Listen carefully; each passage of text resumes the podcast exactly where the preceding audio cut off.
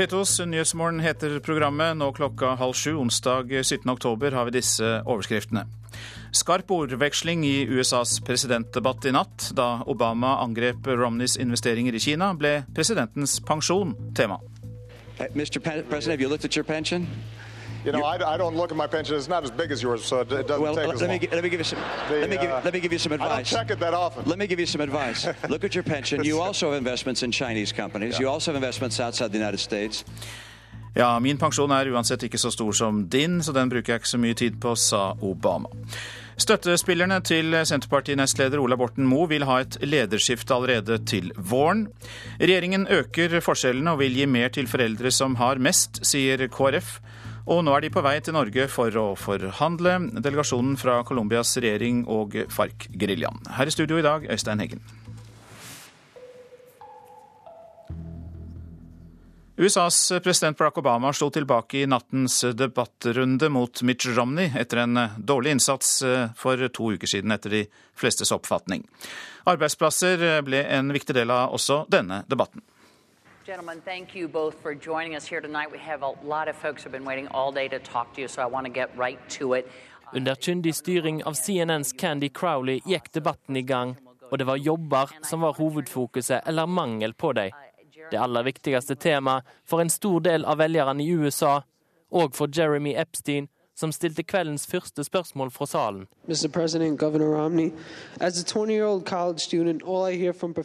Den 20 år gamle college-studenten ville vite hva de to kan love av arbeid etter at han er ferdig med utdanninga. Your question, your question is one that's being asked by college kids all over this country. So what we have to do is two things. We have to make sure that we make it easier for kids to afford college. Spørsmålet ditt blir stilt over hele USA, sier Mitt Romney. Han sier han vil sørge for at det er nok jobber når studenter blir uteksaminerte. Han var derimot lite konkret, men han sier han har en fempunktsplan. Mellom annet mener han at en må være villig til å la selskap gå konkurs, for så å komme styrka ut av det.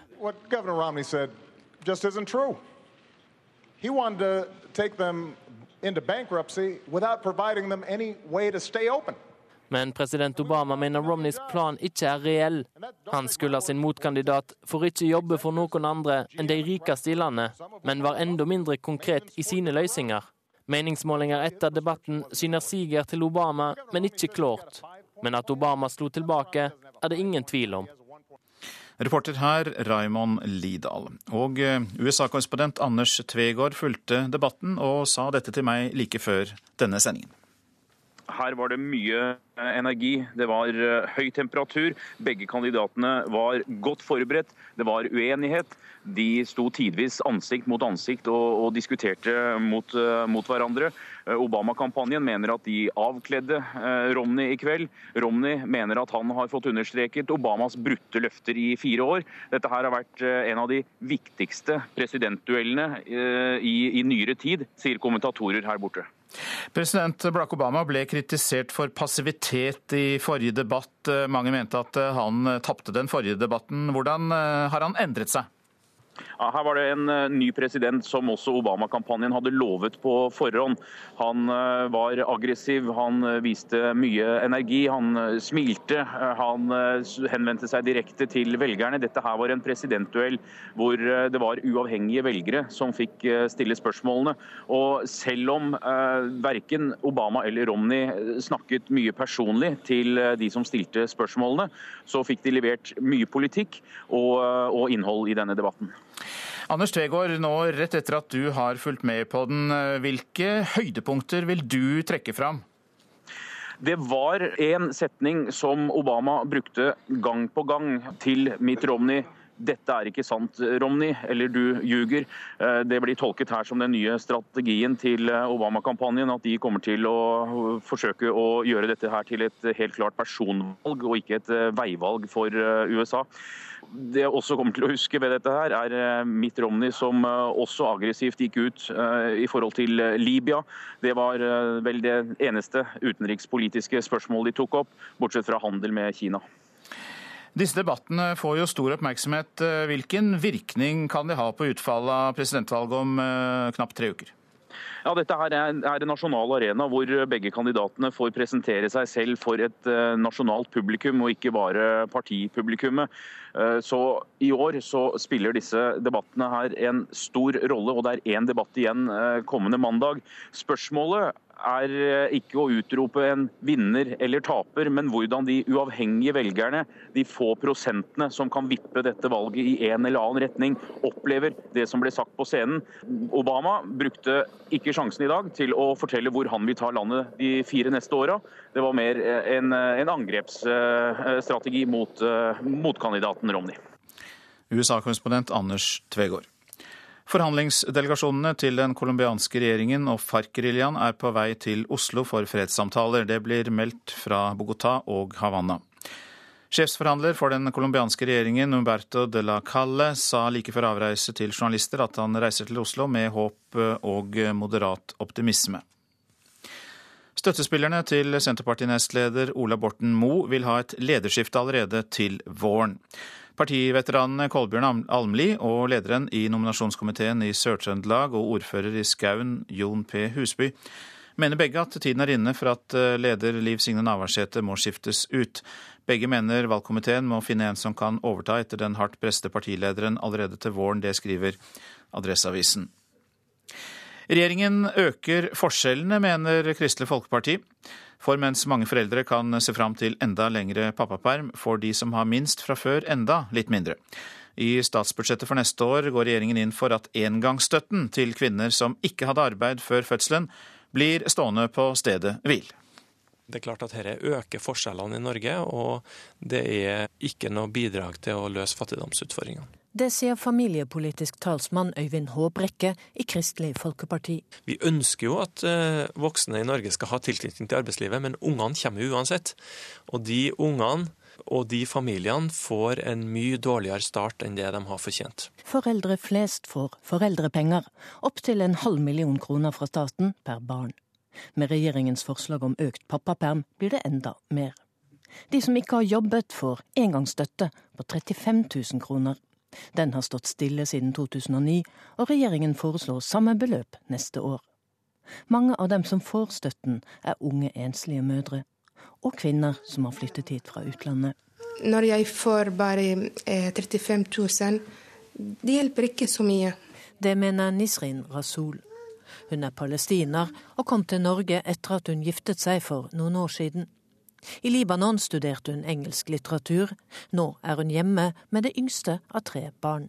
Jeg tenker at eh, det, den er urettferdighet. Fordi de som jobber, eh, får masse, masse mer. Jeg liker å jobbe. Jeg finner ikke jobb. Er det min feil? Jeg betaler ikke skatt fordi jeg finner ikke jobb. Snart får gutten plass i barnehage og da skal hun søke jobb igjen. Men uh, først uh, jeg søkte kurs i sekretær og kontorfag. Jeg håper at den hjelper meg til å finne bra jobb. SV har sagt at de ønsker å øke engangsstøtten. I regjeringserklæringen heter det at den skal vurderes hevet. Og nylig gikk regjeringens eget likestillingsutvalg også inn for å øke støtten. På spørsmål hvorfor den ikke er økt i neste års statsbudsjett, viser statssekretær Ahmad Ghanizade i Barne- og likestillingsdepartementet til utvalget. Hele NOU-en skal på høring. Dette spørsmålet er vurdert i en større sammenheng. Og vi skal komme med en stortingsmelding neste år. At regjeringen nå øker de sosiale forskjellene, avviser han blankt. For første gang de siste årene i historien så har sosiale forskjellene faktisk gått ned i Norge, og det er vi stolt over. Men ikke for disse kvinnene som får engangsstøtte? Akkurat det spørsmålet skal vi se på i en større sammenheng. Reporter her Katrin Hellesnes. Og det blir debatt om denne saken i Politisk kvarter på P2, altså om en drøy time. Så til det avisene skriver. Norske styrker provoserte fram kamper i Taliban, skriver, mot Taliban, skriver Aftenposten. De norske soldatene i Afghanistan drev en langt mer aggressiv krigføring enn det som tidligere var kjent, ifølge ny bok. Og forfatteren kommer hit straks. Tvunget til å si unnskyld, skriver Dagens Næringsliv om Liv Signe Navarsete. Senterpartilederen skal ha blitt presset av sine egne til å beklage egen lederstil og love at hun vil endre seg. Senterpartilederen kan falle ut av Stortinget, det er oppslaget i Bergens Tidende. Liv Signe Navarsete mister velgere i hjemfylket, viser en måling for avisa i Sogn og Fjordane. Flying Start for nytt flyselskap, lyder toppsaken i Fedrelandsvennen. Espen Henning Olsen går fra produksjon av iskrem til å satse formuen på Fly Non-Stop. Selskapet har hatt stor pågang fra sørlendinger etter at åtte destinasjoner i utlandet ble lansert. Dyrere bensin med Fremskrittspartiet er oppslaget i Dagsavisen. Bilavgiftene skal over på drivstoffet, og bensin kan komme på 20 kroner literen, men nestleder Per Sandberg avviser dette. Får ikke ha bil på jobb, skriver Adresseavisen. Trondheim kommune skal slutte å bygge parkeringsplasser for ansatte ved barnehager, skoler og helse- og velferdssentre. Trond Giske får kritikk for sitt forenklingsprosjekt i Nasjonen. Det er Bedriftsforbundet og NHO som sier at lite har skjedd for å få enklere regler, og de ber næringsministeren få opp farten. Barnefengsler i det blå, skriver Vårt Land. Til tross for FNs krav om at barn ikke skal sone sammen med voksne, må mindreårige fortsatt eh, sitte med med, sammen med voksne fanger. Og Barneombudet mener regjeringen somler i denne saken.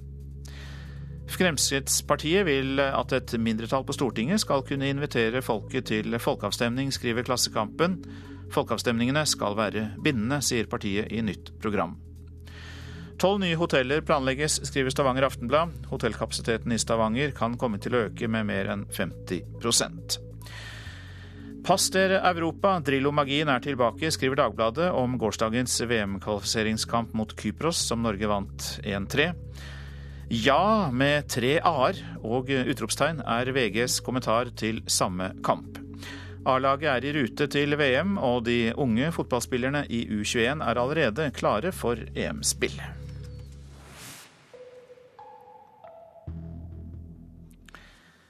Ledelsen i Kystvakten forventer at den endelige rapporten etter eh, strålelykken i Barentshavet går grundig inn på hvilke virkninger strålingen har hatt på mannskapene. Det sier flaggkommandør Lars Saunes. Det er nå slått fast at det var stråling fra en amerikansk skipsradar som skadet mannskapet på KV Nordkapp i august. Her er reporter Tom Sømstad. Den foreløpige rapporten slår fast at båt og mannskap ble utsatt for radarstråling, men kystvaktsjefen vil ha en grundigere analyse av de medisinske konsekvensene. Jeg jeg avventer å få en endelig rapport eh, som eh, også i klart beskrive hvilken effekt eh, som besetningen har vært eh, utsatt for i form av stråling, eh, slik at vi kan ha det som grunnlag for videre medisinsk oppfølging av besetningene. Befalets fellesorganisasjon er også opptatt av at mannskapene blir tatt vare på framover. Det sier tillitsvalgt Per Ivar Haugen. Ja, det er vi veldig opptatt av. Og det er gjort et godt stykke arbeid fra saniteten i Kystvakten for å sørge for at de blir godt ivaretatt både i form av eh, kontroller fra Forsvarets side og henvisninger til eh, lokale leger på hjemsted. Han er glad for at kilden til strålinga nå er kjent. Eh, ut ifra det som er sagt om hva type stråling og sånt som kommer fra den, så er det beroligende i forhold til andre typer stråling da, som kan være mye farligere. Det sa områdetillitsvalgt i Befalets Fellesorganisasjon Per Ivar Haugen. Og reporter det var altså Tom Søpstad. Nå kan Norge selv avgjøre veien til fotball-VM i Brasil. Det sier landslagssjef Egil Olsen etter 3-1-seieren over Kypros i går. Det ble andreplass i gruppen etter dette, med sju poeng, og eh, flere hjemmekamper neste år er et godt utgangspunkt for resten av kvalifiseringen, sa en lettet Drillo. Vi har et godt grep i den forstand at vi, vi kan jo avgjøre dette her sjøl. Vi, vi, har fire hjemmekamper og to bortekamper neste år og møter Sveits hjemme, så muligheten er der. Like utenfor var det misnøye blant kypriotiske supportere og glede i den norske svingen. Inne på pressekonferanserommet satt Drillo og konstaterte at til tross for en helt grei kamp sett med norske øyne, så er Norge i rute. Jeg tror vel jeg antyda liksom at seks poeng eh, før det starta ikke var så gærent. Og sju er enda bedre, men eh, etter 0-2 på Island så så det jo atskillig mørkere ut. Men eh, så etter tapet på Island så er jo sju poeng nå veldig, veldig deilig. Det var flere unge spillere som igjen sto frem på det norske laget i gårsdagens kamp. Blant dem Joshua King, Manchester Uniteds reservelagsspiller som kom inn i andre omgang og skåret det viktige 2-1-målet. Han nyter suksessen på landslaget og gleder seg til resten av VM-kvalifiseringen. God høst. Jeg eh, hadde ikke forventa det her i starten av preseason. og har jobba hardt, så jeg får bare jobbe enda hardere så flere positive ting kommer. Tromsøs Ruben Yttergård Jensen mener Norge har et godt utgangspunkt for 2013. Vi er vel på skjema. Eh, vi skulle ha fire poeng på de her to kampene, og det klarte vi. og var nært å få seks. Så vi kan være veldig fornøyd med poengfangsten hittil. Og så har vi satt oss i en god posisjon. Men det er fortsatt en lang vei igjen, og det er mye hard jobbing. Eh, vi må være på 100 eh, i alle kampene ut for å plukke de poengene vi skal ha. Og det var Geir Elle som rapporterte fra fotballandslagets kamp. Dette er Nyhetsmorgen, og klokka den går mot 6.46. Dette er hovedsaker. Skarp ordveksling i USAs presidentdebatt i natt. Arbeidsplasser ble en viktig del av også denne debatten. Støttespillerne til Senterparti-nestleder Ola Borten Moe vil ha et lederskifte i partiet allerede til våren. Og regjeringen øker forskjellene og vil gi mer til foreldre som har mest. Ja, det hevder Kristelig Folkeparti.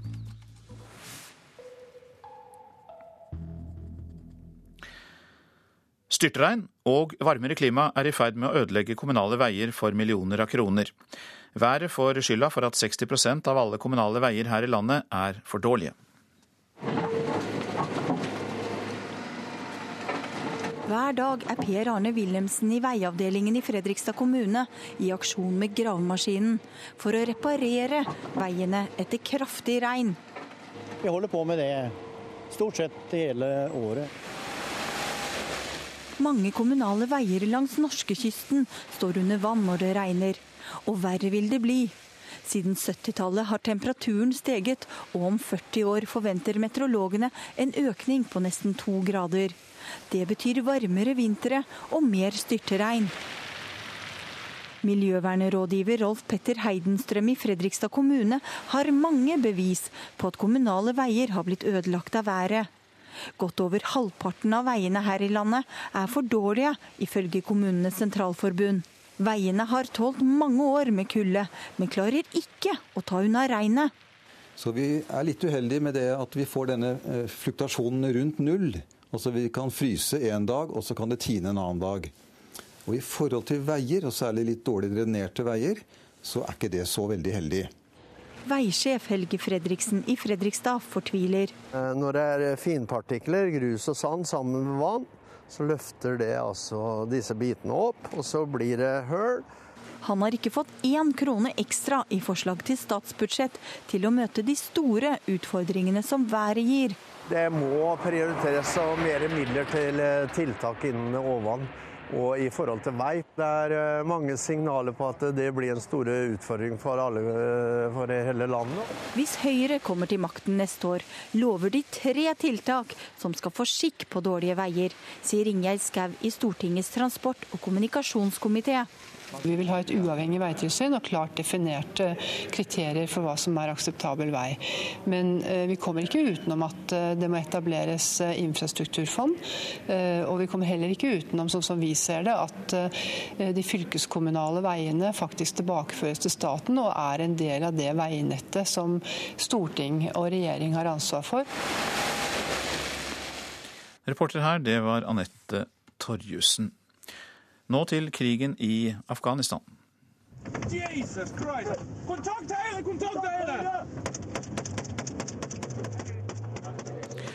Ja, Det vi hører her er norske soldater som blir eh, angrepet, men ifølge en ny bok var de norske soldatene langt mer aggressive selv enn det som har vært kjent fram til nå.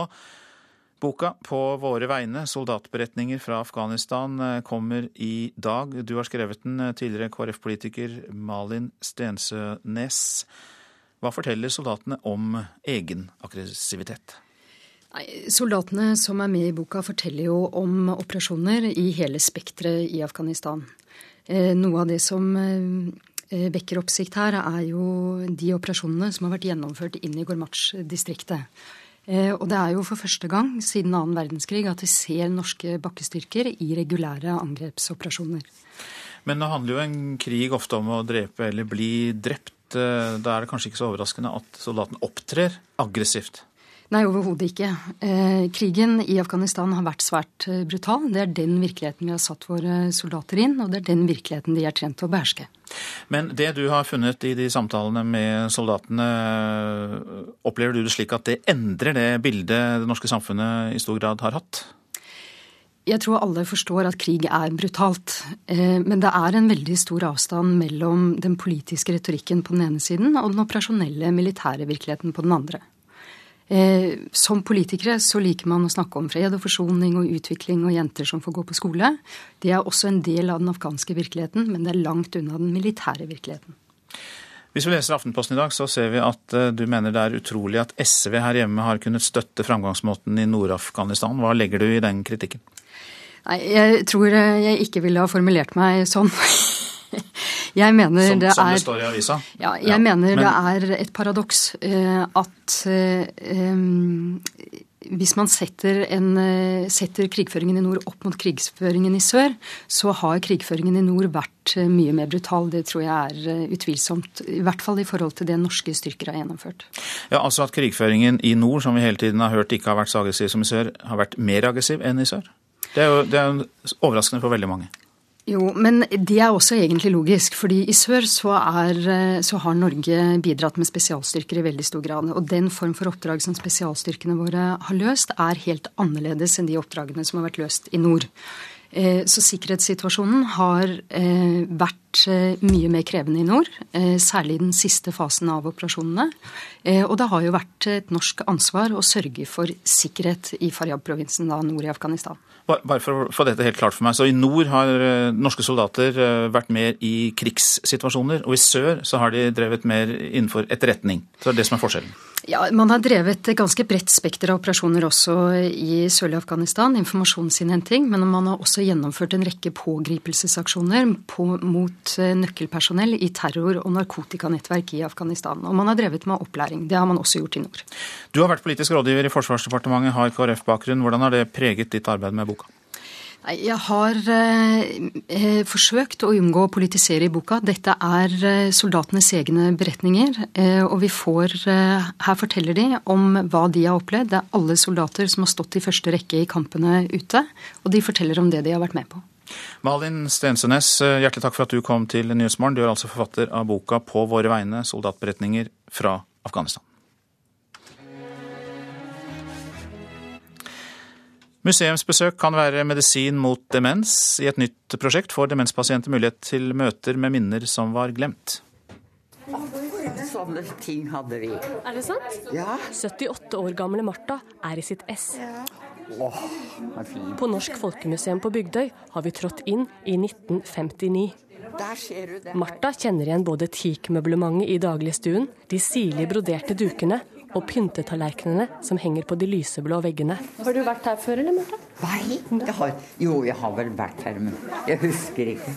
Men interiøret og tingene husker hun godt. Det er rart, egentlig. Fra den gangen hun var 25 år gammel. Gardinene, Sunlight-såpen. Det er som en reise i tid. Og sånne gardiner, vet du, skulle det være. Behøvde ikke noe sånn farver og sånt da. Men det var sånn.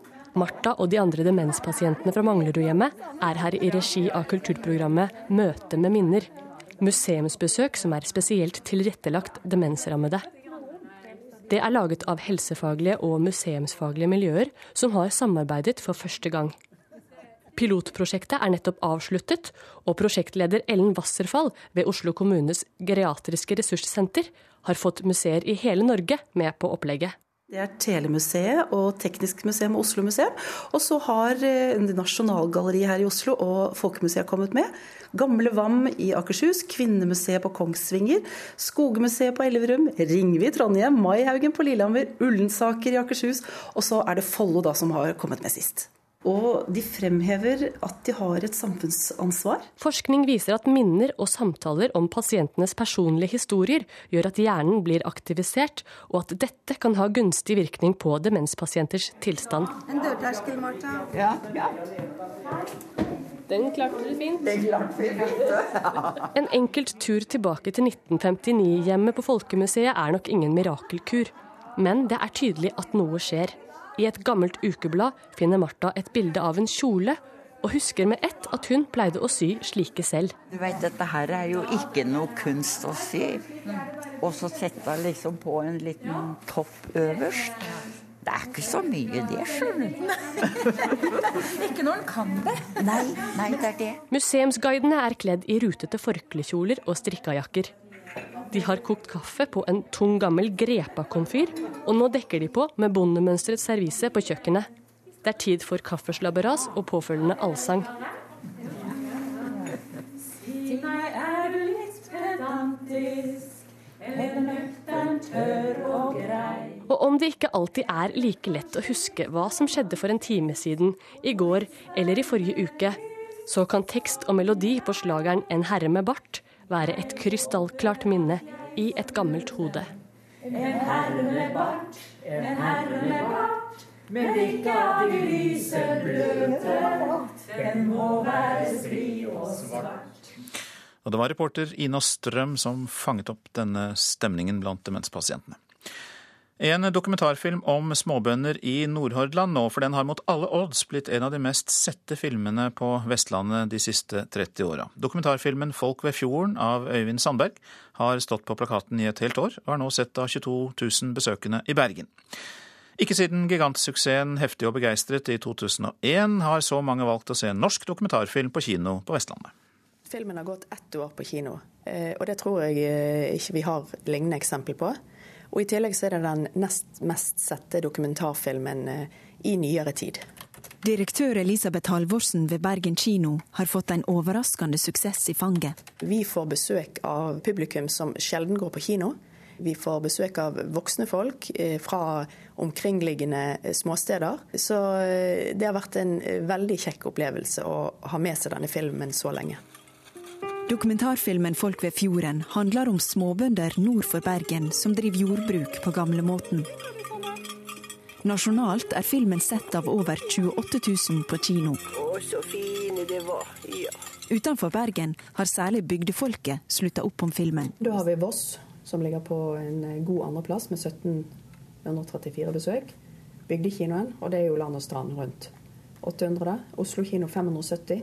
Gjenkjenning og lokal tilknytning er tydelig viktig for publikum. Jeg syns den var helt fantastisk. Sikkert fordi at jeg er vokst opp i et bondemiljø, så dermed syns jeg det var utrolig bra. Jeg så den på TV, egentlig bare fordi at uh, det var Fosterøy, og jeg er Fosterøy. Og så hadde jeg hørt at den var veldig bra. Jeg tror vel de fleste kan kjenne igjen noe i seg sjøl i en sånn film. Filmen treffer en nerve i publikum. Eh, det dette viser, det er jo det at eh, det er mulig å nå frem med en dokumentarfilm. Ja, det mente Elisabeth Halvorsen, direktør ved Bergen kino. Reporter Turid Rogne.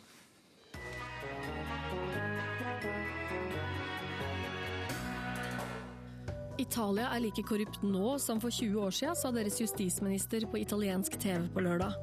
En av sakene som hisser opp de finanskriseramma italienerne denne uka, er en togafest til 30 000 euro holdt av politikere i Roma. I Radioselskapet klokka 11 får du høre om kampen mot selvdyrkende politikere, korrupsjon og mafia. Så været. Fjell i Sør-Norge først. Litt snø i øst, regn i lavere fjellstrøk. Utpå dagen oppholdsvær og noe sol. Østland og Telemark enkelte regnbyger, i ettermiddag oppholdsvær og sol. Agder sørvestlig liten kuling på kysten. I ettermiddag sørlig bris. Litt regn i vest, i øst stort sett opphold. Rogaland og Hordaland forbigående vestlig liten kuling i sør. Enkelte regnbyger, hovedsakelig i Rogaland. I kveld stiv kuling på kysten i sør og regn. Sogn og Fjordane utrygt for enkelte regnbyger. Møre og Romsdal stort sett oppholdsvær. Trøndelag får først på dagen liten kuling utsatte steder. Litt eh, spredt regn i indre strøk, ellers opphold. Helgeland og Saltfjellet tilskyende vær. Fra i ettermiddag litt regn i indre strøk. Sludd og snø i høyden. Salten og Ofoten får stort sett pent vær i dag. I ettermiddag tilskyende fra sør og i kveld litt regn i indre strøk av Salten. Lofoten og Vesterålen stort sett pent vær. Troms på kysten perioder med regnbyger, ellers til dels pent vær i Troms. Finnmark enkelte regnbyger på kysten i vest, ellers til dels pent vær. Lokalt tåke på vidda først på dagen. Nordensjøland på Spitsbergen mulighet for litt snø. Temperaturer klokka fem. Svalbard 1, Kirkenes minus 1. Vardø 3, Alta 1. Tromsø 2. Bodø minus 1, Brønnøysund 4, Trondheim 2, Molde 3, Bergen 5, Stavanger 7, Kristiansand 8, Gardermoen 7, Lillehammer 2, Røros hadde 0 grader klokka 5, og Oslo-Blindern hadde 8 grader.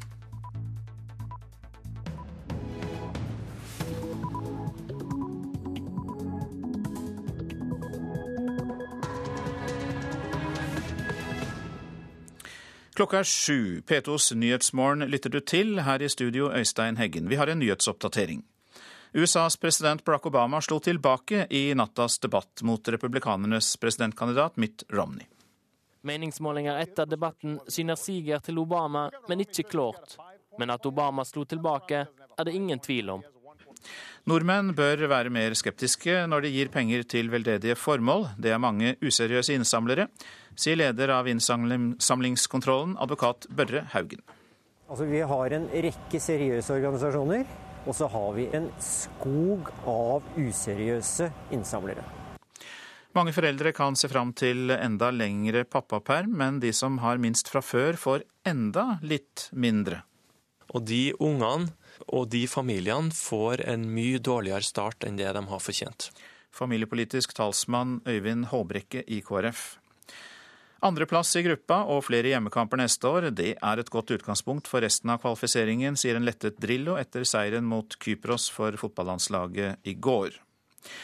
En spesialutviklet databrikke som registrerer høy fart og brå svinger, skal hindre råkjøring hos unge sjåfører. Brikken gir beskjed om farlig kjøring på foreldrenes mobiltelefon. Nyutvinninga skal få unge menn i lånte foreldrebiler til å kjøre tryggere. Ja, USAs president Barack Obama slo tilbake i nattens debattrunde mot Mitt Romney etter en dårlig innsats for presidenten for to uker siden. Arbeidsplasser ble en viktig del også av denne debatten, men også skattekutt og utenrikspolitikk. Gentlemen, thank you both for joining us here tonight. We have a lot of folks who have been waiting all day to talk to you, so I want to get right to it. Under kyndig styring av CNNs Candy Crowley gikk debatten i gang, og det var jobber som var hovedfokuset, eller mangel på dem. Det aller viktigste temaet for en stor del av velgerne i USA, og for Jeremy Epstein, som stilte kveldens første spørsmål fra salen. Romney, student, Den 20 år gamle college-studenten ville vite hva de to kan love av arbeid etter at han er ferdig med utdanninga. Your question, your question is one that's being asked by college kids all over this country. So what we have to do is two things. We have to make sure that we make it easier for kids to afford college. Sure Spørsmålet ditt blir stilt over hele USA, sier Mitt Romney. Han sier han vil sørge for at det er nok jobber når studenter blir uteksaminerte. Han var derimot lite konkret, men han sier han har en fempunktsplan. Mellom annet mener han at en må være villig til å la selskap gå konkurs, for så å komme styrka ut av det. He wanted to take them into bankruptcy without providing them any way to stay open. Men president Obama mener Romneys plan ikke er reell. Han skylder sin motkandidat for ikke jobbe for noen andre enn de rikeste i landet, men var enda mindre konkret i sine løsninger. Krangel ble det òg tid til under debatten, særlig om energi. In the last four years, you cut permits and licenses on federal land and federal waters in half. Not true, Governor Romney. So how much did you cut them Not by? true. By how much did you cut them by then? Uh, Governor, we have actually produced more oil. No, no. How much did you cut licenses and permits on federal Governor- land and federal waters? Governor Romney, here's what we did.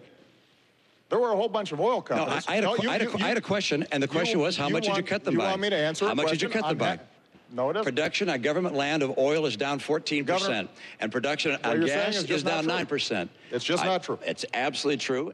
Foreløpige meningsmålinger etter debatten syner siger til Obama, men ikke klart. Men at Obama slo tilbake, er det ingen tvil om. TV-kanalen CNNs meningsmåling syner at 46% av deres seere mener Obama vant, mens Romney får 39% Tilsvarende måling fra CBS syner at 37% likte Obamas innsats best. Her får Romney bare 30% av stemmene. Det sa reporter Raymond Lidal. Og så til to menn som har sittet oppe på våre vegne i natt, kanskje også litt for, for, på egne vegne. Kjell Terje Ringdal fra Markedshøgskolen i eh, Oslo og Jan Arild Snoen, samfunnsdebattant og kommentator i Minerva. Vi går til deg, eh, til retorikeren først, eh, Ringdal. Ja, eh, Hvem syns du kom best ut her, hvis du, er, hvis du, kan si noe om det? I et forsøk på å sette på meg nøytrale briller, da, og det kan man jo ikke. Men eh, altså, denne debatten vant eh, Obama. Han slo tilbake fra en slapp forestilling sist, og var helt klart mer energisk. Han var på hugget, og noen tvitret om eh, om ikke man kunne skrive ut de tablettene som han hadde fått, eh, slik at også andre kunne føle seg like kjappe og raske som han var i dag. Så dette var eh, Obamas natt i USA. Ja, Vi hørte et kutt her hvor åpenbart Obama avbrøt Mitt Romney, og dette skjedde ikke bare én gang. Er, er det noe positivt da, at han avbryter sånn? Man er, jo, man er, jo, opptatt av at man skal kunne oppføre seg ordentlig, og mange reagerte jo på, på Mitt eh, Romney da, da, han var litt ufin mot eh, moderatoren. Eh, slik at det å oppføre seg bra er viktig, men likevel det å være på hugget, slik man var innimellom, det, det er alt i alt positivt og bra for debattantene. Altså Han var uh, ufin mot hun som ledet debatten, var det det? Ja, litt, eh, litt for rude, uh, litt for offensiv. Og hun måtte da sette han litt på plass. Det, ja, Men jeg tror ikke det er det store poenget. Det store poenget er nok at Obama nå kom tilbake etter en svak debatt, og at han nå er på offensiven igjen og stoppet blødningen, så å si, i forhold til den svake opptredenen sist. Politisk innhold, Jan Arild Snoen, hvem kom best ut av å presentere sitt politiske innhold? Det tror jeg var omtrent eh, likt denne gangen. I første debatten så, så fikk eh, Romney lov til å presentere sine punkter eh, nærmest fritt, både av, av ordstyreren og av, for så vidt av Obama. Det fikk han ikke i samme grad i natt. Eh, sånn sett så, så, kom de omtrent likt ut på, på, det området. Men jeg er enig med Ringdal i at, eh, at, det var en knapp seier til eh, Obama. Men den har ikke flyttet noen velgere. Det ser vi også på de første målingene. Det er ingen velgere. altså Det er like mange som har gått i, i begge retninger. da. Sånn at denne debatten blir ikke viktig på noen annen måte enn en, nettopp det som allerede har sagt. At det, det stopper den nedgangstrenden som Obama hadde. Dette er jo det vi kan kalle et sentrumsløp eh, og damejakt eh, samtidig. Mm. Eh, her er begge kandidatene opptatt av å presse seg inn i midten. Middelklass-begrepet ble nevnt 17 ganger i løpet av debatten. Og dette var også helt klart frieri til svingstatene, og det var frieri til damene for å få fram temaene som er viktige i de statene og eh, opp mot eh, kvinnene.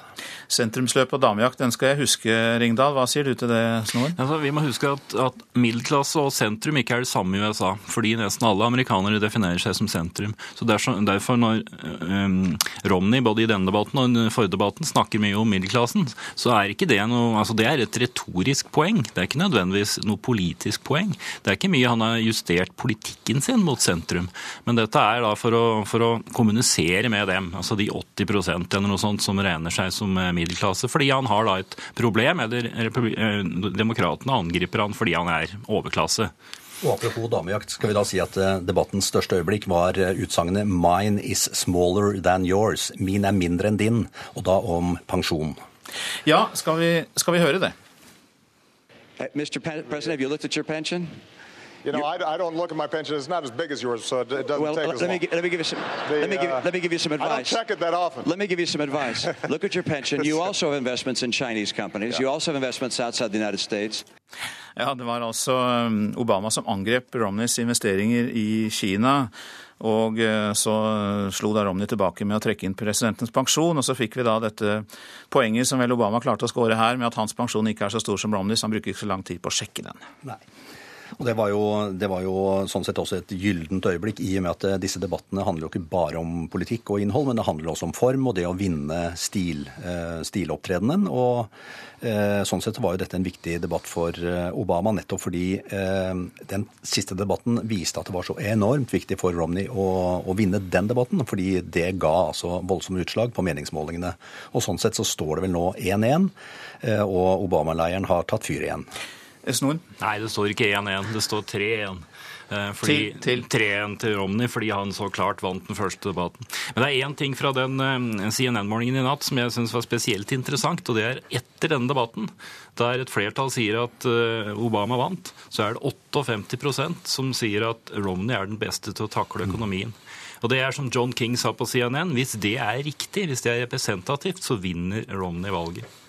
Og 33 eh, mente at eh, de fortsatt er usikre etter denne debatten. Også dette er da amerikanere som har et eh, si, republikansk DNA. 33% er fortsatt usikre på hva de skal velge. Og det er jo det det nå egentlig handler om. Hvem vinner den siste debatten, og hvem vinner valget? Du eh, tror at eh, Romney fortsatt har en god mulighet til å vinne snoen. Hvilke grep må han gjøre for eh, eventuelt å dra innpå, for det er vel fortsatt Obama som leder, så vidt det er på målingene? Nei, Romney leder på det nasjonale, og, og Obama litt i vippestatene, så det er omtrent likt. Men, men, Romney må snakke mest om det som han prøvde å snakke om i, i natt, jobber og økonomi. Eh, det er det dette valget handler om, og det er der eh, misnøyen med Obama er stor, og litt usikkerhet med Romney. Så han må forsikre velgerne om at han har et program som kan virke. Vi fikk ikke tid til å snakke om utenrikspolitikk, det var litt Libya her, men eh, det får vi neste gang, for neste debatt er vel om utenrikspolitikk, er det ikke det? Ja. Det er det. det. det. er om utenrikspolitikk, eh, og det er over eh, helgen. Og mm, jeg tror nok at Obama, i likhet med før denne debatten, så går han også nå i hi for å trene og øve og løfte manualer for å komme på hugget. Hva tror du om det, Små? Ja, det gjør han sikkert. Jeg tror ikke den eh, debatten blir så viktig, fordi utenrikspolitikk er ikke det sentrale i dette valget. Hjertelig takk for at dere kom, Jan Arild Snoen, samfunnsdebattant og kommentator i Minerva. Og til deg, Kjell Terje Ringdal, som er retoriker og jobber ved Markedshøgskolen i Oslo. Nordmenn bør være mer skeptiske når de gir penger til veldedige formål. Det sier lederen av innsamlingskontrollen, advokat Børre Hagen. I Norge er det mange som samler inn penger uten å være underlagt kontroll. Altså, vi har en rekke seriøse organisasjoner og så har vi en skog av useriøse innsamlere. Og eh, nordmenn er godtroende. Om lag 100 veldedige organisasjoner her i landet betaler for å være med i den frivillige ordningen Innsamlingsregisteret. Det betyr at regnskapene sjekkes av revisor, og at det kontrolleres at en vesentlig andel av det som samles inn, faktisk går til formålet. Men mange, særlig eldre mennesker, blir ringt opp av pågående selgere fra andre organisasjoner som langt fra tilfredsstiller disse kravene. Til nå så har mor betalt dem rundt 20 000. Det sier Astrid Larsen, som kontrollerer regningene hjemme hos moren. En av mange pensjonister som syns det er vanskelig å være avvisende når noen ringer og ber om støtte f.eks. til barn som lider. Etter telefonsamtalen kommer det derfor regninger som mange føler seg nødt til å betale. 1569, 369 Betalingsfrister er det på det. På noe som er, skal liksom være frivillig. Og så har de lagt til porto og ekspedisjonsgebyr. Det er utrolig frekt, altså. Jeg er sjokkert, rett og slett. I mange av disse tilfellene dreier det seg om ren svindel, sier Børre Hagen i innsamlingskontrollen. Ofte så sitter vi med inntrykk av at her er det egen sysselsetting som er eh, ofte like stor i drivkraft som det å hjelpe andre. Reportere her, det var Tom Ingebrigtsen og Janne Seiler. Og du kan høre mer om temaet i Forbrukerinspektørene på NRK1 i kveld, men vi er ikke helt ferdig med det her. God morgen til deg, Tonje Skjelbostad. Du er fagleder hos Forbrukerombudet, og um, du har sittet og hørt på dette. Er dette et problem dere kjenner igjen? Ja, det er helt klart et problem, sånn som Børre Hagen beskriver det. Eh, mange seriøse innsamlingsorganisasjoner, eh, dessverre mange useriøse. Hva kan man da gjøre for å unngå, ja, i disse tilfellene vi har hørt om, å bli ringt opp? Mm. Ja, Når det gjelder telefonsalg, så er det særlig for det første å reservere seg mot det i Brønnøysundregisteret, eh, og husk å huke av for frivillige organisasjoner. Eh, for det andre, ta direkte kontakt med organisasjonen og be om å ikke bli ringt. Eh, og særlig for de eldre som kanskje syns det er litt vanskelig å si nei, så går det faktisk an å si nei og legge på. Eh, det er ikke du som er uhøflig som gjør det, men det er de som ringer deg når du er reservert, som er uhøflig. Så det går faktisk an å bare takke nei. Men hva syns du i Forbrukerombudet om at det er en del smarte triks her? Altså Man smører jo på med kostnader og tillegg på disse regningene også. Ja, Det viser jo at telefonsalg ofte er en litt sånn problematisk måte å samle midler på, fordi at eh, det i mange tilfeller ikke er alle midlene som du gir som går til formålet. Og Hadde forbrukerne visst at f.eks. bare 20-30 av de 100 kronene de gir, går til formålet, da hadde de nok antagelig gitt via en annen kanal. Vet dere noe om useriøse organisasjoner er så kyniske at de bevisst tar kontakt med eldre mennesker?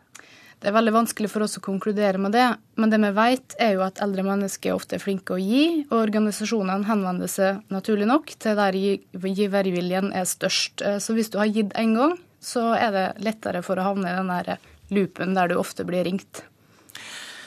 La oss ta det tilfellet hvor man da har fått eh, disse regningene. Hva bør man gjøre? Hvis du har fått en faktura fra en organisasjon som du mener du ikke har takka ja til, eh, så bør du ta kontakt med organisasjonen. Eh, gi beskjed om at eh, dette er ikke noe du har tenkt å betale. Og når det tross alt er basert på frivillighet, så både har, etter det vi kjenner til, og bør organisasjonene ha en veldig lav terskel for å slette sånne krav. Hvordan er situasjonen hvis du sammenligner useriøse organisasjoner og de som opptrer ordentlig? Hvilke er det flest av? Det er veldig vanskelig for meg å konkludere på det. Eh, men som Børre Hagen sier, det er jo over 100 stykk som er registrert i innsamlingsregisteret. Og det er jo et kvalitetsstempel eh, i så måte. Det er ikke nødvendigvis eh, negativt å stå utenfor heller, men da gir det litt større grunn til å sjekke opp om, om den er seriøs, og hvor midlene du gir, faktisk går. Er dette et problem som er opp til den enkelte forbruker å rydde opp i, eller mener dere at det er noen regler og noe lovverk som mangler for å beskytte folk? Eh, telefonsalget, Selve telefonsalget er jo regulert i markedsføringsloven, så der har vi jo med Forbrukerombudet anledning til å gå inn der. Eh, det vi nok savner, er f.eks. en plikt til å opplyse om hvor, faktisk, hvor, mye som faktisk går til formålet, og gjerne òg en, en, en plikt til å registrere seg i innsamlingsregisteret. Klar oppfordring der til en mulig forbedring av situasjonen. Tonje Skjelbostad, hjertelig takk for at du kom. Du er fagleder hos Forbrukerombudet. Dette er Nyhetsmorgen. Klokka har passert 7.16. Vi har disse hovedsakene. USAs president Barack Obama slo tilbake i nattens debattrunde mot eh, Mitt Romney. Som vi har hørt nettopp, nordmenn er for naive når de gir penger til gode formål, sier innsamlingskontrollen. Og videre i sendingen kraftbransjen frykter mer hemmelighold og høyere strømregning hvis regjeringen fjerner den eh, faste plassen som brukerne har i styrene til Statnett.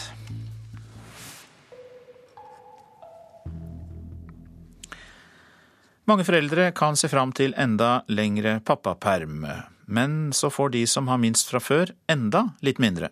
I statsbudsjettet for neste år er det slik at regjeringen går inn for at engangsstøtten til kvinner som ikke hadde arbeid før fødselen, blir stående på stedet hvil. Denne støtten har vært på vel 35 000 kroner siden 2009.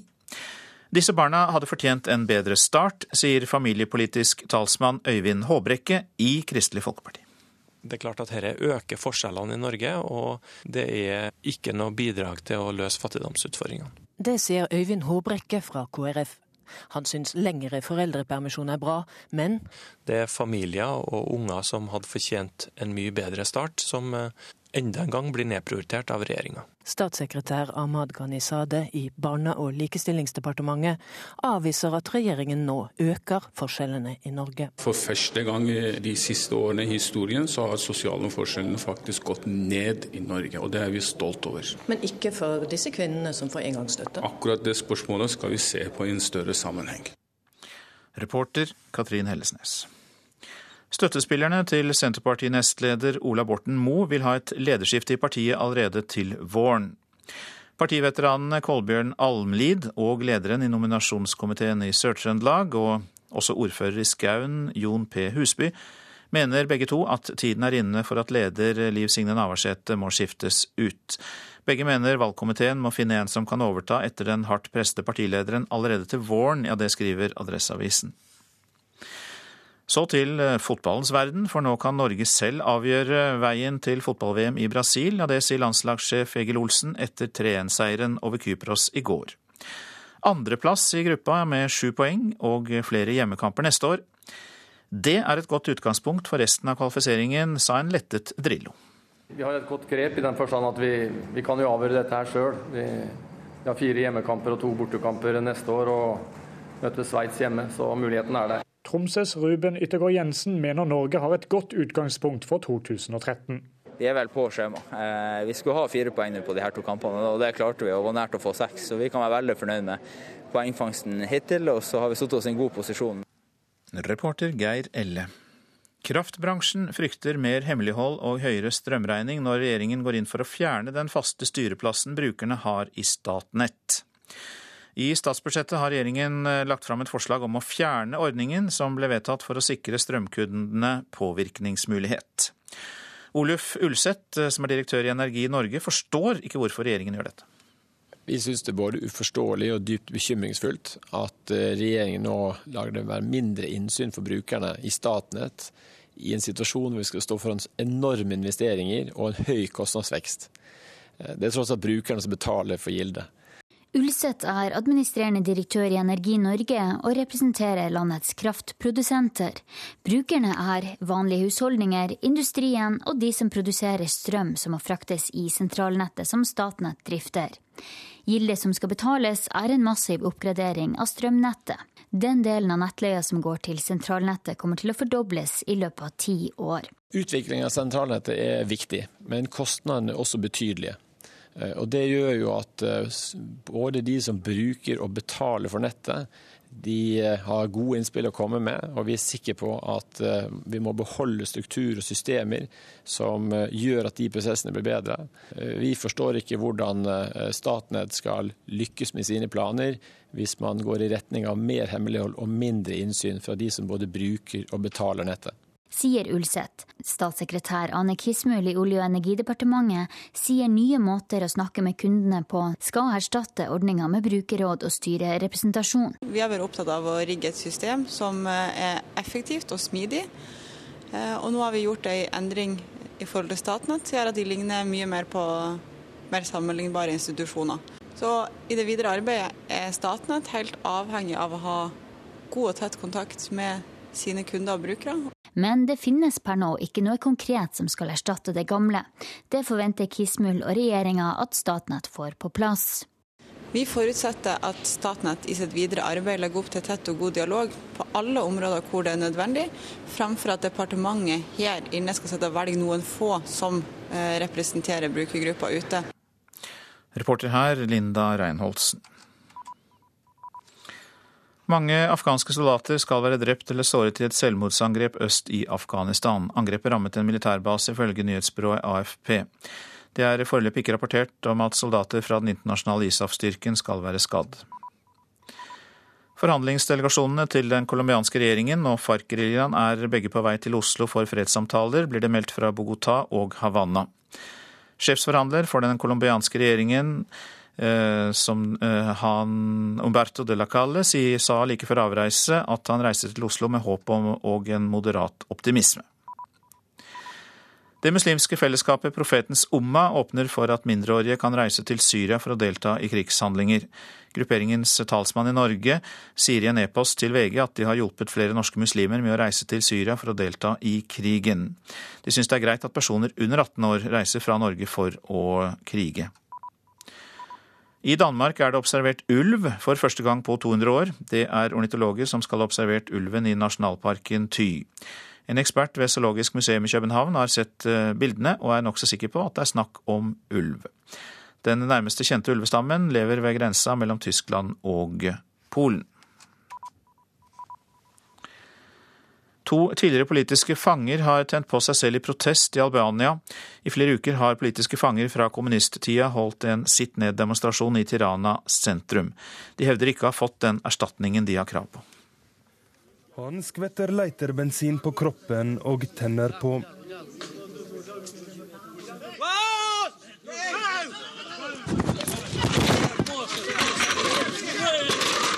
Lirak Beikovic skriker i smerte og er dett sammen på bakken.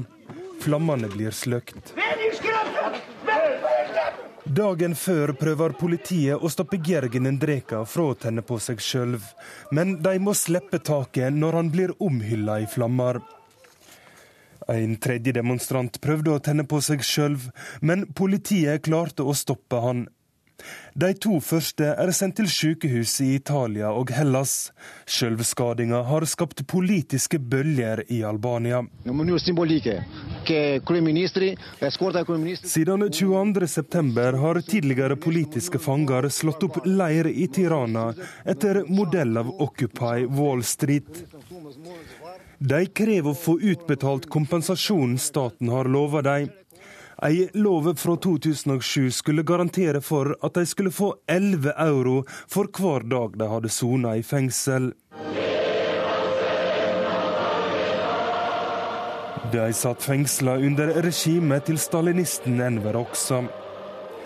Tusenvis av dissidenter ble satt til tvangsarbeid.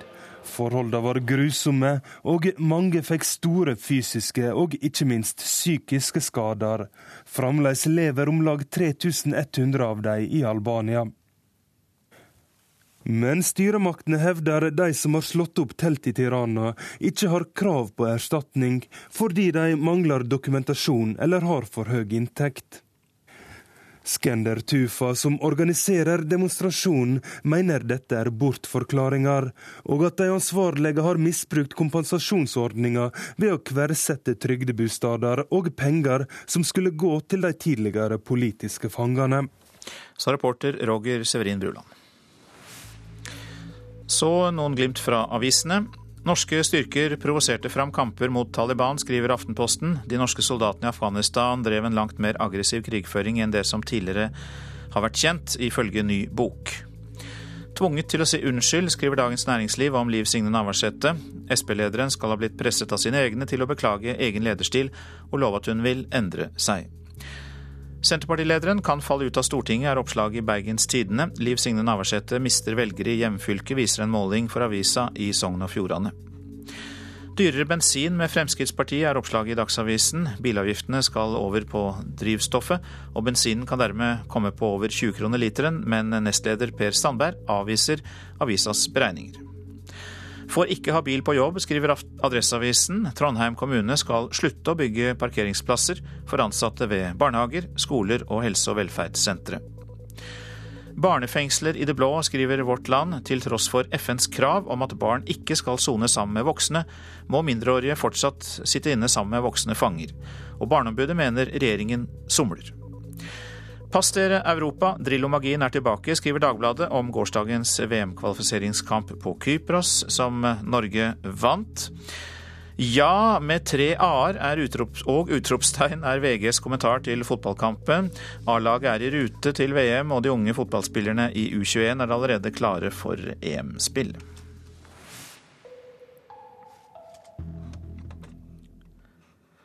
En spesialutviklet databrikke registrerer høy fart og brå svinger hos unge sjåfører, og gir beskjed om hendelsene på foreldrenes mobiltelefon. Nyvinningen er laget av NAF og et bergensselskap, og skal få ned ulykkesstatistikken. Den kunne også ha vært eh, stått her i uh. Den tar ikke store plassen, men skal gjøre store ting. Ole Christensen i NAF i Bergen syner fram databrikka, klart til bruk etter to år med testing. Når vi bremset opp nå, da ville den sende et signal. Brå brems. Nyutvinninga skal få unge menn i lånte foreldrebiler til å kjøre tryggere. Registrering av høy fart, bråbremsing og brå svinger går direkte til ei datamaskin og videre til foreldra sin mobiltelefon. Ungdom med egen bil skal få billigere forsikring dersom brikka stadfester forsvarlig kjøring. Og testpersonene som har brukt databrikka de siste to åra, har valgt tryggere løsninger på veien. Der var det 50 ungdommer som deltok, og det hadde en veldig stor effekt på deres kjørestil. Og de lærte veldig mye. For det er ikke uten grunn at NAF og bergensfirmaet Saga Safe System har fokusert på denne målgruppa. I hver tredje dødsulykke i trafikken er en ung mann involvert. Det forteller distriktsleder Arne Aase i Trygg Trafikk i Hordaland. Det er en, eh, en liten gruppe av ungdommen som eh, er spenningssøkende, som må ta ut spenning en eller annen plass. Dessverre så tar de ofte ut på veiene. Men heldigvis, gruppa er ikke så veldig stor, men de gjør veldig mye ut av seg. Du er ikke redd for at eh, det skal bli oppfattet som overvåking? nå? Det er jo ikke en overvåking. Det er en det er en registrering av kjøreatferd. Og disse tingene må jo ligge, absolutt ligge innenfor Datatilsynets eh, retningslinjer for disse tingene. Og denne reportasjen var laget av Trude Bakke. Etter Dagsnytt skal vi høre at Tyskland skal dekke 40% av sitt strømbehov med fornybar energi i løpet av mindre enn ti år. Støtte til barnefamiliene, det er tema for debatten i Politisk kvarter. Produsent for Nyhetsmorgen er Ulf Tannes Fjell. Her i studio Øystein Heggen. Og har du tips eller kommentarer, så kan du sende en e-post til adressen nyhetsmorgen.krøllalfa.nrk.no. Nyhetsmorgen.krøllalfa.nrk.no. nrk.no. Nyhetsmorgen krøllalfa nrk.no. Og Ragnhild Bjørge er klar med Dagsnytt ganske straks. Hør ekko. Hva finner du hvis du går i massedrapsmenns fotspor? Erika Fatland har reist rundt for å finne ut hvordan ulike samfunn har blitt preget av uhyggelige massakre. Fra Beslan til Oklahoma til Utøya. Sorgen er den samme, og sinnet. Men hva med gjerningsmennene? Ekko 9 til 11 i NRK P2.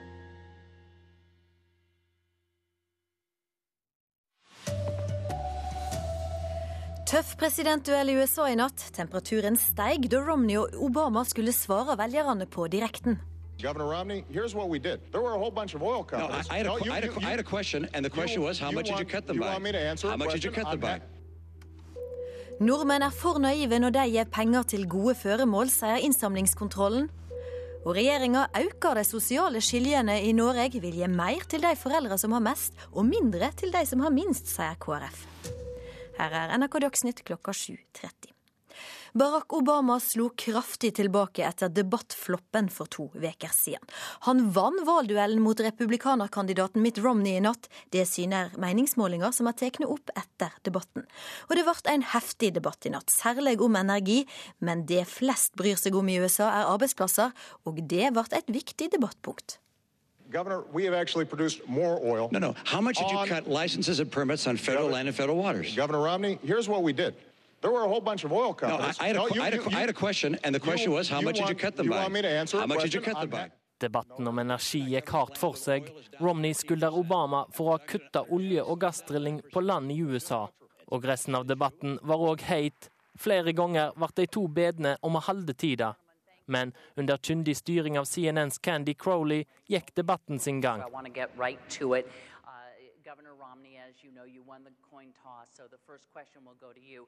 Og det var jobber som var hovedfokuset, eller mangel på dem. Det aller viktigste temaet for en stor del av velgerne i USA, og for Jeremy Epstein, som stilte kveldens første spørsmål fra salen. Mr. President, Governor Romney, 20 year old college student, all I hear from Den 20 år gamle college-studenten ville vite hva de to kan love av arbeid etter at han er ferdig med utdanninga.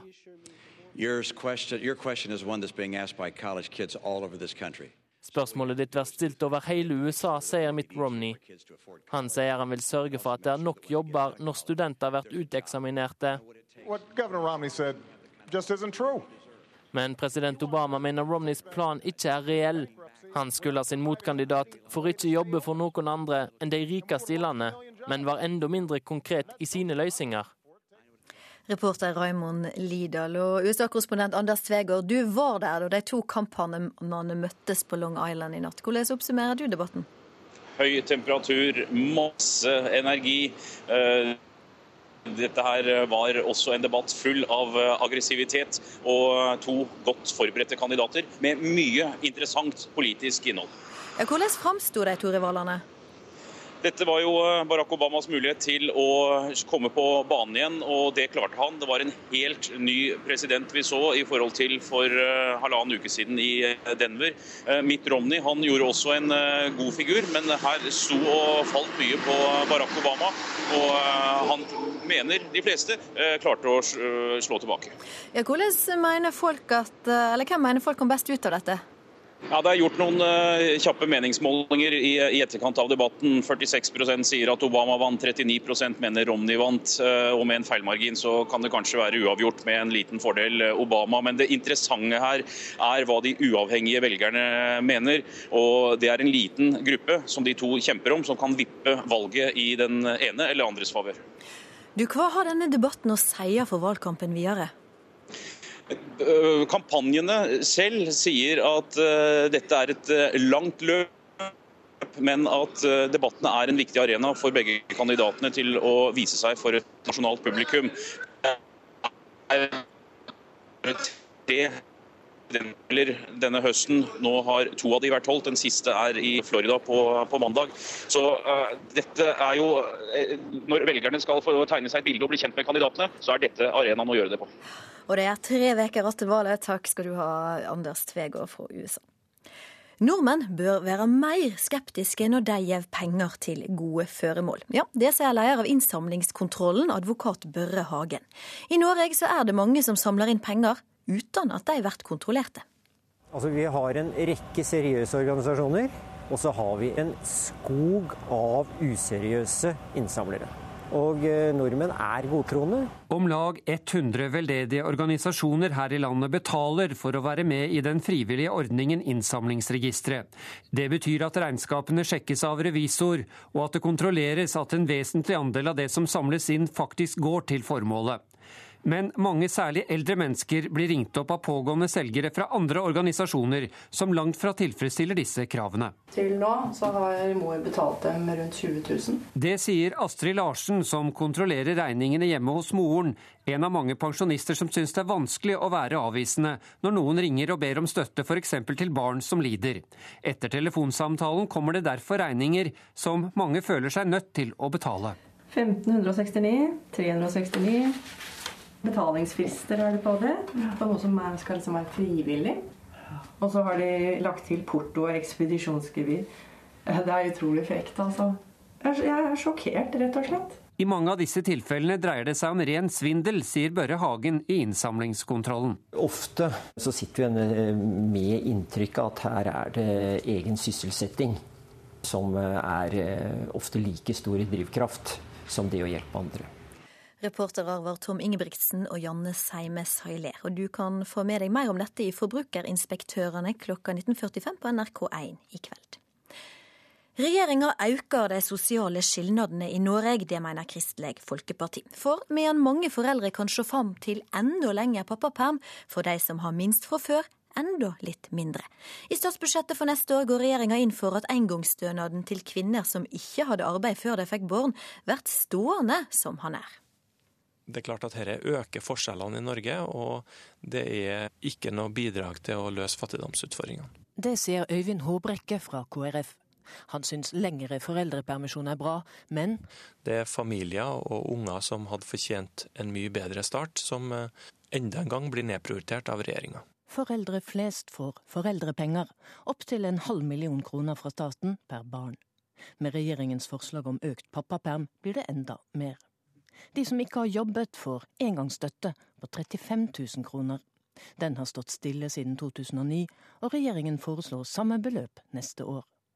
Mange av dem som får støtten, er unge enslige mødre. Og kvinner som har flyttet hit fra utlandet. Jeg tenker at eh, det, den er urettferdighet. Mener Nisrin Rasul. Hun studerte engelsk litteratur i Libanon og skulle gjerne ha jobbet. Jeg liker å jobbe. Jeg finner ikke jobb. Er det min feil? Jeg betaler ikke skatt fordi jeg finner ikke jobb. Nå er hun hjemme med det yngste av tre barn, og har erfart at Norge er et dyrt land. Når jeg får bare eh, 35 000, det hjelper ikke så mye. Statssekretær Ahmad Ghanizadeh i Barne- og likestillingsdepartementet avviser at regjeringen nå øker forskjellene i Norge. For første gang de siste årene i historien så har sosiale forskjellene faktisk gått ned i Norge, og det er vi stolt over. Men ikke for disse kvinnene som får engangsstøtte? Akkurat det spørsmålet skal vi se på i en større sammenheng. Reporter Katrin Hellesnes. Og debatten om saka hører du i Politisk kvarter i P2 klokka kvart på åtte. Senterpartipolitikere i Sør-Trøndelag ønsker seg et lederskifte alt til våren. De vil ha Ola Borten Moe som partileder, trass i at han har sagt nei til attvalg på Stortinget. Partiveteranene Kolbjørn Amli og Jon P. Husby mener tida er inne. Ja, det ser sånn ut da i forhold til det som har skjedd. Så er nok tida kommet for å, å se på det. Over tid nå så ser vi at uh, Signe har svekka seg som leder gjennom forskjellige episoder som har skjedd. Så er det klart at uh, det vil gjøre det nødvendig å ha sjefsleder i Senterpartiet. Nå kan vi avgjøre om vi kommer oss til fotball-VM i Brasil sjølve. Det sier landslagssjef Egil Olsen etter 3-1-sigeren over Kypros i går. Andreplass i gruppa med sju poeng og flere heimekamper neste år er et godt utgangspunkt for resten av kvalifiseringa, sa en letta Drillo etter kampen. Vi har et godt grep i den forstand at vi, vi kan jo avgjøre dette her sjøl. Vi, vi har fire hjemmekamper og to bortekamper neste år og møter Sveits hjemme, så muligheten er der. Like utenfor var det misnøye blant kypriotiske supportere og glede i den norske svingen. Inne på pressekonferanserommet satt Drillo og konstaterte at til tross for en helt grei kamp sett med norske øyne, så er Norge i rute. Jeg tror vel jeg antyda liksom at seks poeng eh, før det starta ikke var så gærent.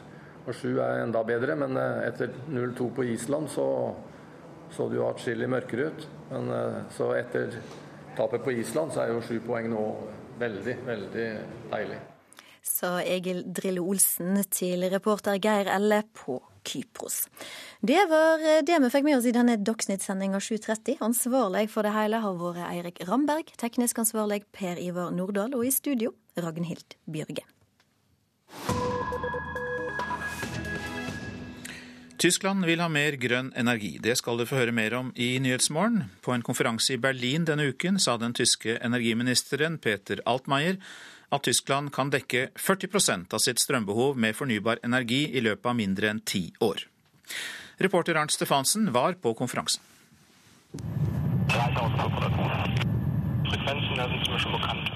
Et helikopter går inn for landing ved et vindparkanlegg i den tyske delen av Nordsjøen.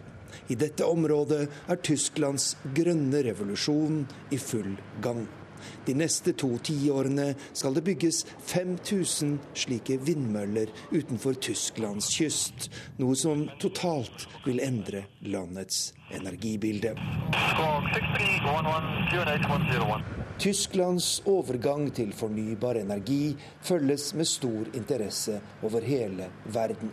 Aldri før har et stort industriland satt i verk en så radikal omlegging av sin energipolitikk.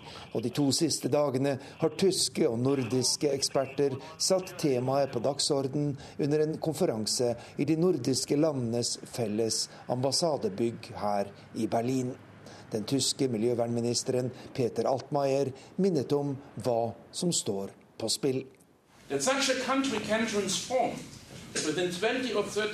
Hvis et land som Tyskland i løpet av en kort periode, 20-30 år, kan legge om hele sin tilførsel av energi uten å sakke etter i konkurransen med andre store industriland, da vil vi bli en modell for hele verden, sier miljøvernministeren.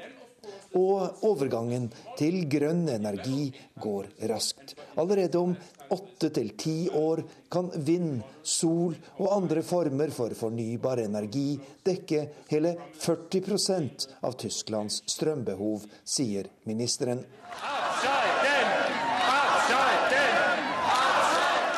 Det var atomkatastrofen i Japan i fjor vår som satte det hele i gang. Hundretusener av tyskere gikk ut i gatene og protesterte mot kjernekraft. Og tyske myndigheter tok en dramatisk beslutning. Å avvikle hele denne energiformen i løpet av ti år.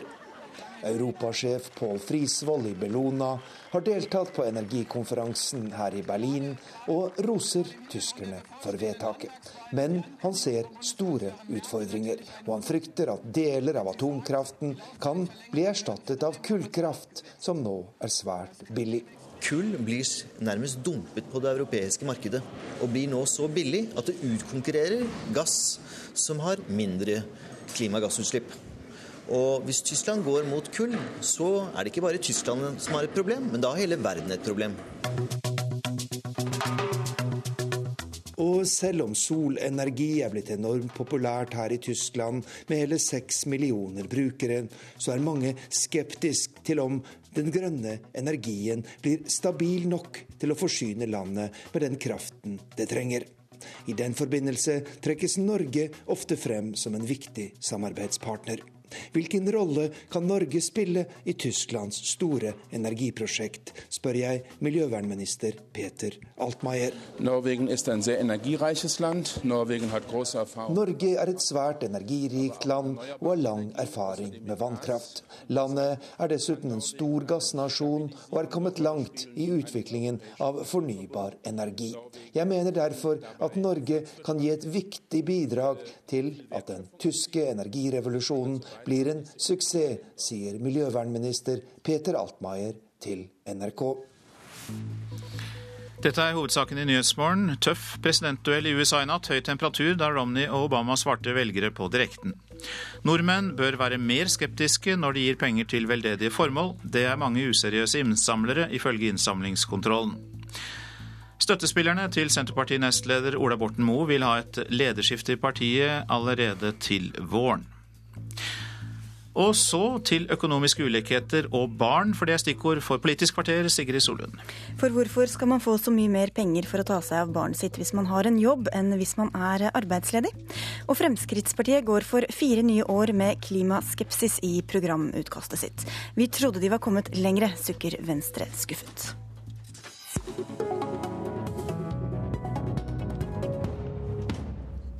Mens regjeringen har utvidet permisjonstiden for nybakte foreldre i flere omganger de siste årene, har den ikke siden 2009 økt engangsstønaden for kvinner som får barn uten nylig å ha vært i arbeid. Til tross for løfter om å gjøre nettopp det. Lene Vågslid fra Arbeiderpartiet, du sitter i familie- og kulturkomiteen på Stortinget. Hvorfor fortjener noen flere hundre tusen kroner for å ta seg av et nyfødt barn, mens andre bare skal få drøyt 35 000? Vi har prioritert foreldrepermisjonsordninger. Eh, og vi prioriterer å satse hardt på barnehagene. Eh, gjennom å holde på maksprisen i barnehagene, gjennom å sørge for at eh, fedrekvoten er utvida, så har færre i Norge nå eh, mottatt engangsstønad. Det mener jeg er viktig, for en av de største utfordringene mot sosiale forskjeller, det er arbeidsledighet. Så foreldrepermisjonsordninger og barnehager er det vi har prioritert høyest. Og så mener jeg òg det er en forskjell på, eh, på, foreldrepermisjonsordning og engangsstønad. Så skal, denne prioriteringen skal også bidra til å få flere inn i arbeid, og ikke stimulere til ordninger som holder folk utenfor arbeidslivet? Vi ser jo at den eh, politikken som regjeringen har ført eh, de sju siste årene, har gitt de resultatene at flere kvinner er i arbeid enn før. Vi har mer likestilt foreldreskap, eh, og det fører til at flere er inne under foreldrepermisjonsordninger fordi at flere er i arbeid. Det å ha en jobb Eh, er et gode. Eh, samtidig så syns jeg det er viktig å si at eh, vi ikke avviser at det kan være behov å øke engangsstønaden. Vi har den i dag. Den er viktig for mange, men jeg mener det er viktig å se på andre ordninger for å løse utfordringer for disse familiene. Øyvind Håbrekke, familiepolitisk talsperson for Kristelig Folkeparti. Dere kritiserer regjeringen for å legge opp til større forskjeller. Hvordan vet dere at akkurat disse ordningene har bidratt til det? Nei, det er jo i hvert fall opplagt at uh, når vi har ei ordning der da hvis du får unger og har hatt pensjonsgivende inntekter i seks av de ti siste månedene, så kan du få foreldrepenger. Og får du maksimal uttelling da, så får du oppimot opp imot en halv million kroner. La oss si 470 000 kanskje hvis du får maksimal uttelling. Uh, mens hvis du ikke har hatt den inntekta, så sitter du igjen med 35 263 kroner. Og Jeg sier ikke at det her skal være likt mellom de her to gruppene, men det er jo grådig urettferdig at vi satser og satser og bygger ut og bygger ut for den ene gruppa. Jeg er for økning av foreldrepermisjon. Eh, men at vi bare satser på den ene gruppa, og den andre gruppa blir stående igjen og i realiteten får mindre og mindre for hvert år, det er rett og slett urettferdig. Men hvor, Dere vil jo firedoble denne stønaden. Hvorfor skal man da legge opp til et system som belønner det å være utenfor arbeidslivet? Nei, jeg, vi er enige med Arbeiderpartiet om at det skal lønne seg å være i jobb. Og det skal vi stimulere til. Og, men, men, det, er jo en gang sånn at de ungene kommer uansett. da. Eh, det er greit at Arbeiderpartiet og Lene Vågslid argumenterer for det, at ordningene skal stimulere til, til arbeid. Men eh, Folk kommer ikke til å slutte å bli gravid eh, selv om de er utenfor arbeidslivet. Sånn er det bare. og Da må vi, da må vi tenke på ungene og da må vi tenke på familiene og gi de ungene og familiene mulighet for en god start. Ja, hva tror du det får av konsekvenser for de barna som blir født, som bare da skal bli tatt, tatt eh, vare på med 35 000 i bagasjen? Nei, for det første så er det ingen fare for at Arbeiderpartiet ikke ønsker at Ferrari skal bli gravide. Eh, vi ønsker absolutt at folk skal ha muligheten til ja, å få barn. Men Forskjellen for de barnas kår, da? Ja, Forskjellen er eh, selvfølgelig viktig å se på. og Derfor så har vi jo bl.a. gjennom å eh, Skeiutvalget har jo nå kommet med en rapport. Hvor de eh, kritiserer eh, at den stønaden er for lav. Ja, og de tar til orde for at vi eh, bør øke den stønaden. og Derfor så sier jeg jo det at det mener jeg vi skal se på. Men det ligger jo ikke inne i budsjettet for neste år? Nei, det gjør ikke det. Som kom det etter Skeiutvalget? Ja, men det er fordi at vi har valgt å prioritere foreldrepermisjonsordninger og holde på maksprisen i barnehagen. Det siste som eksempel, det er faktisk utrolig mye å si for eh, økonomisk ulikhet. Eh, og så syns jeg òg det er viktig å få fram det at det, eh, når KrF satt i regjering, så var det ikke spesielt stor økning av engangsstønaden. Jeg tror òg når vi skal diskutere fattigdomsproblematikk, så må vi se på det på en mye helhetlig måte. F.eks. finanspolitisk.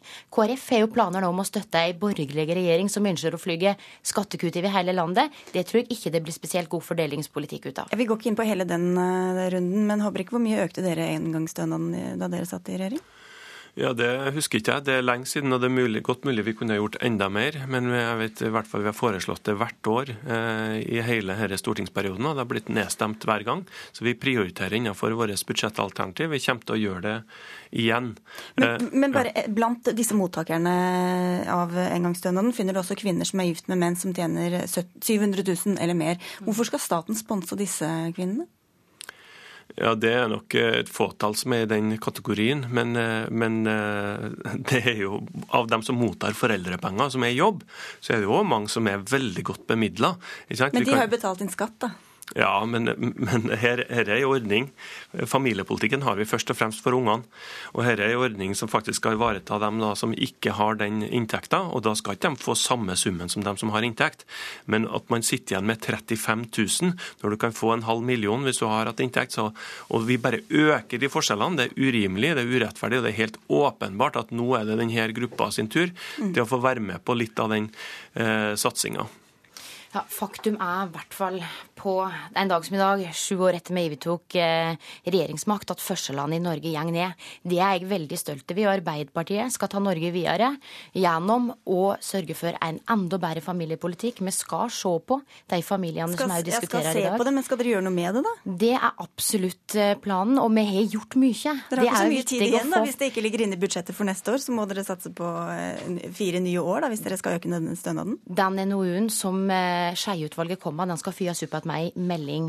Da skal vi diskutere det. Men jeg syns det er viktig å få fram at det er faktisk slik at gjennom satsing på barnehage, foreldrepermisjon, at vi har låg arbeidsledighet i dette landet, så er det færre som har behov for engangsstønad. Det mener jeg er bra. Jeg mener arbeidslinja er viktig, og jeg mener at det skal lønne seg å jobbe. Og da avslutningsvis til deg, Håbrek. For det er mange av, denne, av dem som får denne engangsstøtten, som får det for flere barn. Det er altså ikke sånn at de nødvendigvis går ut og inn i arbeidslivet og akkurat er tilfeldigvis arbeidsledig der og da.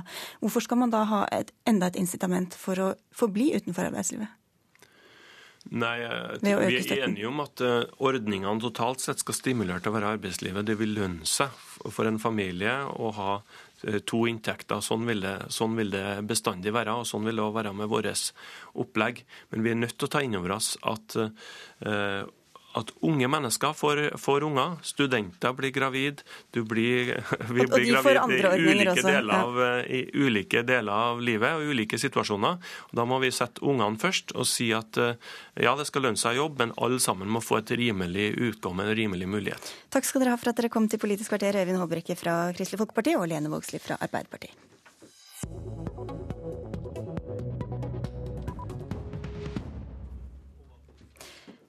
Fremskrittspartiets programkomité legger opp til fire nye år med et program som fortsatt sier det er usikkert om klimaendringene også skyldes menneskeskapte utslipp. Hva syns du om det, Guri Melby? Du sitter i sentralstyret til Venstre og leder av det partiets programkomité.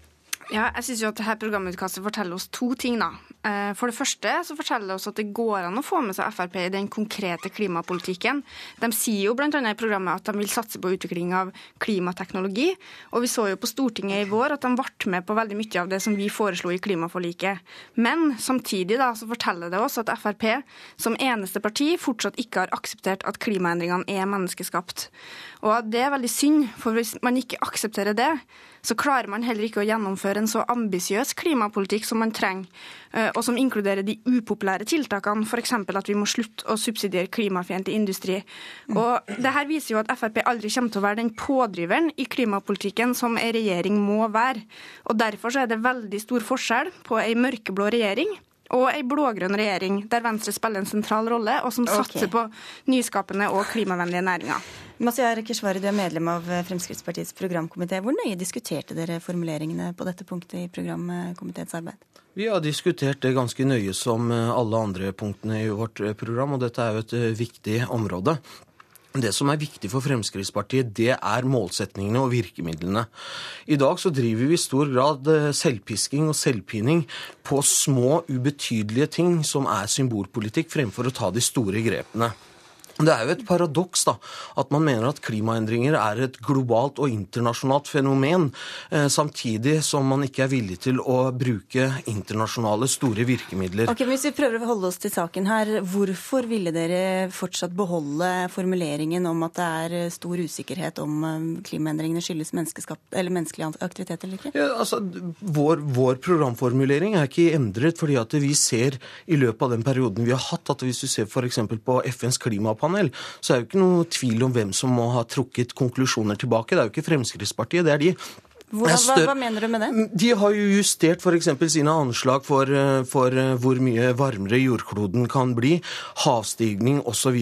Men, så... Mener du at FNs klimapanel nå er blitt, eh, mener at det ikke er så alvorlig som det de sa i begynnelsen? Altså, de har jo justert en rekke av sine punkter. De startet jo som dommedagsprofeter og, og har da nedjustert mange av sine anslag. Men hva, hva slags belegg har du for å si det, bare for å høre hvilke rapporter er det du henviser til da? Jeg henviser til f.eks. Eh, dette som de hadde med eh, utvikling av eh, hvor mye varmere jordkloden blir. Det har FNs klimapanel nedjustert. Og vi har sett også flere forskningsrapporter som viser at mange av anslagene til dette panelet ikke har vært helt korrekte. Men det som er viktig for oss å få fram, er at vi, vi må jo finne målsetningene og hvilke virkemidler vi skal bruke på det. Og da kan vi ikke drive med selvpining her hjemme. Melby. Ja, altså Forskning funker jo sånn at ofte så må man justere modellene sine og endre litt på anslagene og sånn. Og det er klart at det her er under utvikling hele tida. Det gjelder også klimaforskninga. Men det betyr jo ikke at vi skal begynne å se bort fra den, sjøl om det foregår endringer. Eh, og det er klart at Eh, på dette forskningsområdet, på alle andre forskningsområder, så er det noen kritiske røster som kanskje er uenig med det det store flertallet mener. Og Det, det syns vi jo er bra. Vi vil jo gjerne ha kritiske røster. Men det betyr ikke at vi skal basere politikken vår på det sånne kritiske røster sier. Det er jo ikke sånn i skolepolitikken heller at hvis en skoleforsker sier at lærerens kompetanse ikke lenger har noe å si for elevenes læring, så slutter vi å satse på videreutdanning. Og sånn kan jo heller ikke være i klimapolitikken, ja, selv om det, det, det kommer fram noen, noen altså, altså, det, det, vi får fram i, i programmet vårt, er veldig tydelig. Vi må ha to parallelle løp her. Den ene går på det med forskning og utvikling, som er eh, interessant og spennende. Og det andre er konkrete tiltak på miljøvennlig teknologi, på hva som får ned forurensning, av eh, luft, eh, vann osv. Der har jo Fremskrittspartiet levert varene. Men det er en paradoks at for å få ned CO2-utslippene, så flytter man det ut av landets eh, grenser for å få bedre, okay, bedre CO2-regnskap. Og men, men i dragsuget av det følger jo industriarbeidsplasser, okay. innovasjon og andre ting. Nå må jeg få komme inn til her. Melby, bare for å se på hva som har skjedd i natt. Barack Obama, som selv sier at han er bekymret for menneskeskapte klimaendringer, skrøt om hvor mye han hadde økt produksjonen av olje, gass og kull i USA. Hva sier det om hvor forpliktende en faktisk anerkjennelse av problemet er for hva man, hvordan man følger det opp? Nei, Det er ikke sikkert at en anerkjennelse alene er nok til å følge opp problemet, men jeg tror at et parti da, som ikke anerkjenner utfordringa og heller ikke klarer å se sammenhengen med de utslippene vi har eh, og de klimaendringene vi ser, et sånt parti vil jo aldri bli en drivkraft i klima- og miljøpolitikken. og Det er jo det vi ser med Frp. De er ofte med på ting som vi foreslår, og det syns jeg de skal ha ros for. I klimaforliket i Stortinget så viste de at de var villige til å strekke seg langt på veldig mange tiltak, men det er nesten alltid de tiltakene som har andre positive effekter, f.eks. at vi kan få nyskapende næringsliv ut av det, eller at vi kan få bedre kollektivtrafikk som alle i byene vil ha. Er det så galt, da? Nei, altså jeg synes det er kjempefint at Frp er med på det, men problemet er jo at de vil aldri være noe ambisiøse i politikken. Jo, det, det de vil, de vært. de vil aldri du, være du- Du må gjerne snakke med dine egne på Stortinget om eh, Fremskrittspartiet bidro var ambisiøse eller ikke under de Hvor mye forhandlingene. bap, bap, Hvor mye skyldes det tidligere klimapolitisk talsperson Ketil Solvik-Olsen dere svarer? Fremskrittspartiet er Fremskrittspartiet uansett hvem som er talsperson for Fremskrittspartiet, og den politikken vi fører, den står hele partiet bak. Det er jo ikke sånn at det er avhengig av person hva Fremskrittspartiet mener i klimaspørsmål. Men mye av den, mye av den frustrasjonen jeg tror Venstre viser, og andre viser i denne saken, er at vi ønsker andre virkemidler enn det de gjør. Vi ønsker gulrot og eh, initiativ- eh, incitamenter eh, fremfor eh, pisken. Eh, Det må være mye, mye bedre å få forbrukerne til å bruke miljøvennlig, til å bruke f.eks. kollektivtrafikk fremfor å bruke bilen i de store byene. Men, det, og men det handler har det vi det bare om lokale utslipp og ikke om, om globale utslipp, siden dere ikke er så bekymret for klimaendringene? Ja, men altså, vi, har jo, vi sier jo det, at det, det er viktig å få ned forurensning. Det er jo ikke noen målsetting Lokalt? om å slippe lokalt, regionalt og internasjonalt. Det er jo ikke noe, det er jo ikke noe målsetting om at industrien eller bilparken skal forurense eh, lufta, eller at man skal okay. forurense vann og andre ting. Helt, helt, helt kort til slutt. Nei, Jeg tror denne debatten viser at det har ganske mye å si hvilke partier som eh, blir stor, hva slags regjering vi får etter valget. For det handler ikke bare om å få et regjeringsskifte, det handler om å få en regjering som fører en liberal og klimavennlig politikk. Da må du ha en blå-grønn regjering der Venstre spiller en vesentlig rolle. Og det var litt valgkamptaktikk på slutten her. Takk skal dere ha for at dere kom til Politisk kvarter, Guri Melby fra Venstre og Mazyar Keshvari Fremskrittspartiet. Sendingen er over. P2s Nyhetsmorgen fortsetter. Mitt navn er Sigrid Elise Solund.